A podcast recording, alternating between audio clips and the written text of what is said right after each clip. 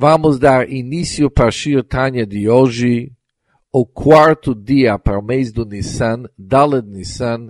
O Shir Tanya de hoje é na página 100, na segunda linha com as palavras que Begufa Gashmi, e termina seis linhas de baixo para cima nas palavras Velo Shedveikut HaMachshava. Recapitulando o que que nós estudamos no Perek Lametchet, no 38º Perek do Tânia até o presente momento, o Alter Rebbe está nos explicando a grandeza e importância do Kavaná, do pensamento, do Machshavá. Apesar que tem uma grande vantagem, uma grande importância no Masé Vedibur, cumprir os mitzvot através de um ato, e também cumprir os mitzvot com nosso pronunciamento e com nosso dibur, tem uma certa vantagem sobre a qual estudamos nos últimos Shurei Tanya, também no Marshavá, no pensamento, na devoção na hora que faz a mitzvah e também na dedicação, na hora do Marshavá, pensando sobre a mitzvah. De tal forma que estudamos que uma mitzvah sem kavaná, uma mitzvah sem dedicação e devoção certo, é que nem um corpo sem alma. E sobre isso entendemos que tanto o corpo e a alma têm vitalidade. Eles têm uma vitalidade divina, mas sendo que tanto o corpo como também a alma eles pertencem ao nosso mundo. Tudo que nosso mundo está sob o domínio do Klipat Noga, daquele Klipat que é uma intermediária por isso, referente ao Hester Panim, ocultamento do face da Hashem, tanto o Nefesh, tanto a alma como o corpo são bem distantes. Eles, tanto o corpo e a alma são sob o domínio do Klipat Noga, como a Klipat intermediária, e tanto o Nefesh como o corpo, eles sofrem do Hester Panim, do afastamento da face da Hashem, ocultamento do Pnimiu da Hashem. Mas mesmo assim, aprendemos que tem uma diferença no conceito de tzimtzum e hitpashtut, de ser diminuído e ser amplo. No nefesh existe amplitude. No guf existe diminuição. E sobre isso vamos estudar no Shiotanya de hoje. Que beguf hagashmi. Quando falamos no corpo material, Verradome mamash, e tudo que é no nível do mineral, in ato, como avanim, pedras, afar e terra. No guf, corpo, minerais, pedras e terra, o que que é o denominador comum de todas estas criaturas, que não se vê movimento e espiritualidade nenhuma, não se vê crescimento, não se vê mudança. O fato de não perceber mudança nenhuma, nenhum crescimento, significa que a iluminação da Hashem que se encontra neles, e Miprinat Simtsum Gadol é tanto diminuído, acha en que não existe igual.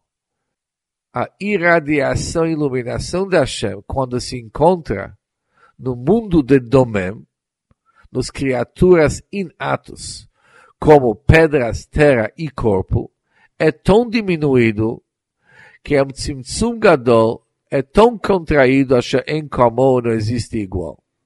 Vehachayut shebo e a vitalidade que se encontra no corpo e no mineral no inato, apesar que existe vitalidade, moetet kolkach ela foi tão diminuído acha em bo afilo kor hatzomer. Ele até não possui a força do crescimento. Porque a força de crescimento, apesar que não representa nada sentimental ou emocional, mas mesmo assim tem movimento, tem crescimento. Quando falamos num domínio no mineral ou no corpo, nem o Koach Hatzomer, nem a força de crescimento existe nele. O quando falamos de uma planta, a iluminação da Hashem, Eina Betzimtzum Gadol Kolkach, não foi tão diminuído, sendo que numa planta, na vegetação, se percebe pelo menos um certo movimento de vitalidade. Ele cresce mikatnut legadlut, do pequeno para o grande. Vederech klal, em termos gerais, nechlakot se subdividem. Todas as criaturas do nosso mundo, elas se subdividem em arba madrigot, em quatro níveis, em quatro graus. Domem, os minerais, os inatos. Someach, plantas, vegetação. Chai, todos os seres vivos. Medaber, um ser humano que consegue falar e consegue influenciar. Domem já sabemos, tudo que não tem movimento nenhuma, não tem crescimento, é enquadrado no grupo chamado Domem Minerais. Tzomeach, quando falamos vegetação, significa algo que não tem sentimento, não representa sentimento e emoção, mas pelo menos cresce do pequeno para o grande. Chai são os animais que também têm razão, têm vontade e sentimentos. Medaber o ser humano que além dele que ele possui o século intelecto, ele também é um medaber, ele conversa, ele consegue dividir suas emoções e seus pensamentos com outro ser humano. Domem tzomei achai medaber, que são keneget, eles são derivados dos quatro letras do Shem Havaya Baruch do nome do Deus, a tetragrama do Hashem, Yud Kei Vav Kei, Shemimenu Mushpaim, que eles de fato são influenciados, são derivados dos quatro letras do Yud Kei Vav Kei. O Medaber, o ser humano, está ligado como Yud, do Yud-Kei Vav-Kei. O Chai, os animais, os seres vivos, estão ligados como o primeiro rei do Yud-Kei Vav-Kei. O Tzomeach, vegetação e plantas, estão ligados como Vav. E o Domem, os seres inatos, estão ligados como último rei do Shemavai, do Yud-Kei Vav-Kei. O Kmo She'ein Erer Vedimion, da mesma maneira que não há comparação, não há equivalência entre a Hara, entre a iluminação e a extensão do Hayut, que se encontra no Domem Vetzomeach, não dá para comparar a iluminação e a extensão da vitalidade que se encontra nas minerais e vegetação para a iluminação da chama extensão de vitalidade que se veste no Chayom Medaber, nos seres vivos e nos homens que conversa, que falam.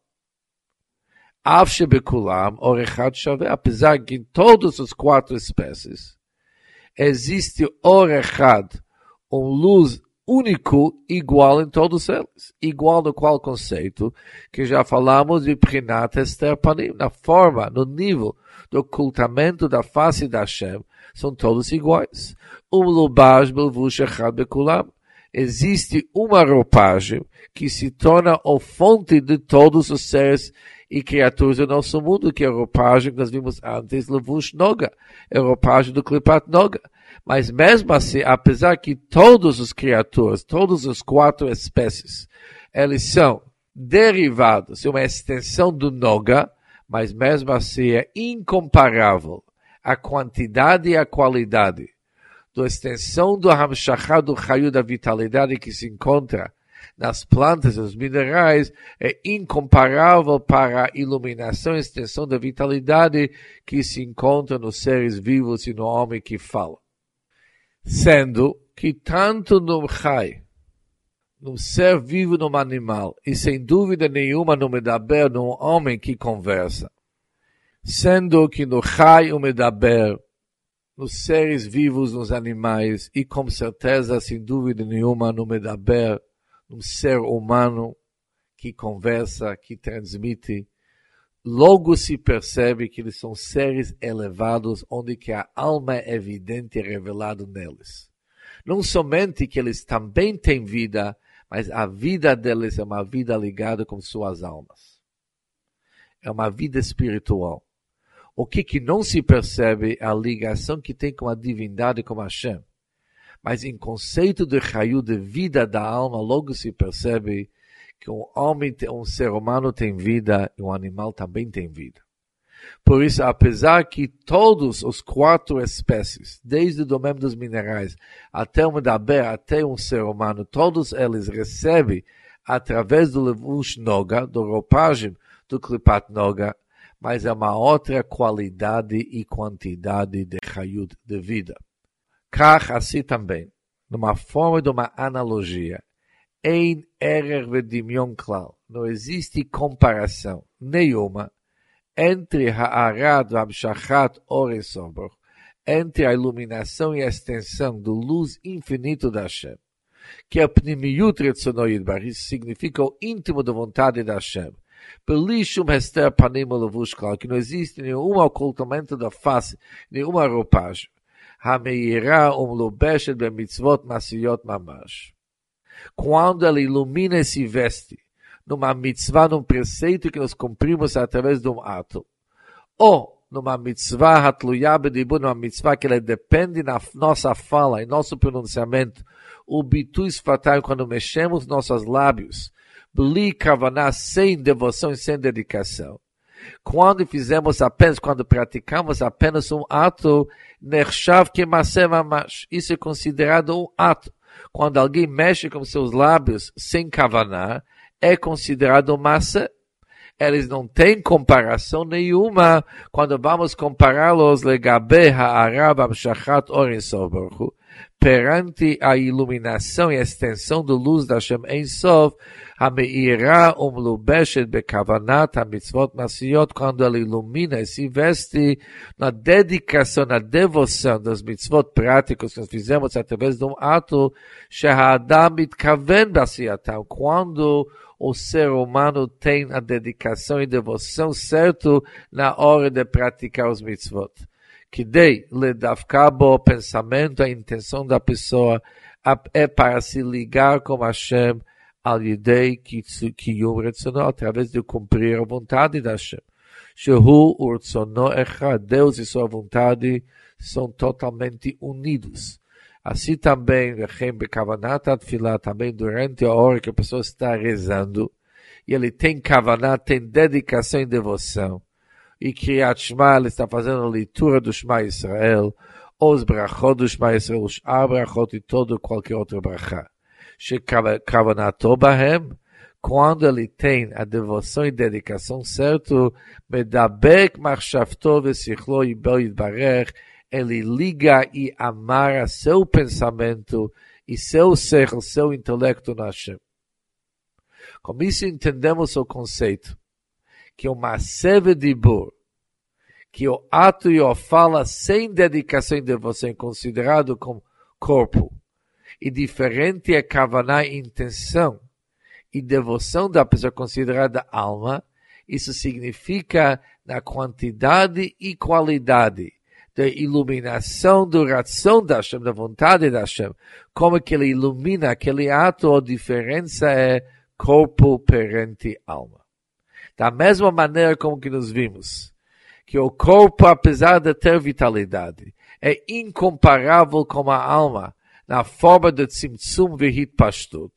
Na alma é uma maneira ampla, é uma maneira grande, diferente como que está no corpo, de uma maneira diminuída. Assim também, a ligação com Hashem é revelação do ração da Hashem.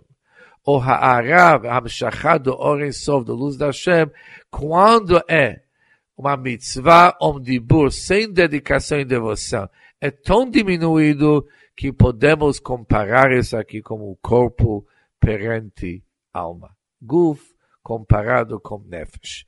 E mais ainda sobre esse conceito no próximo Shirtanya, se Deus quiser.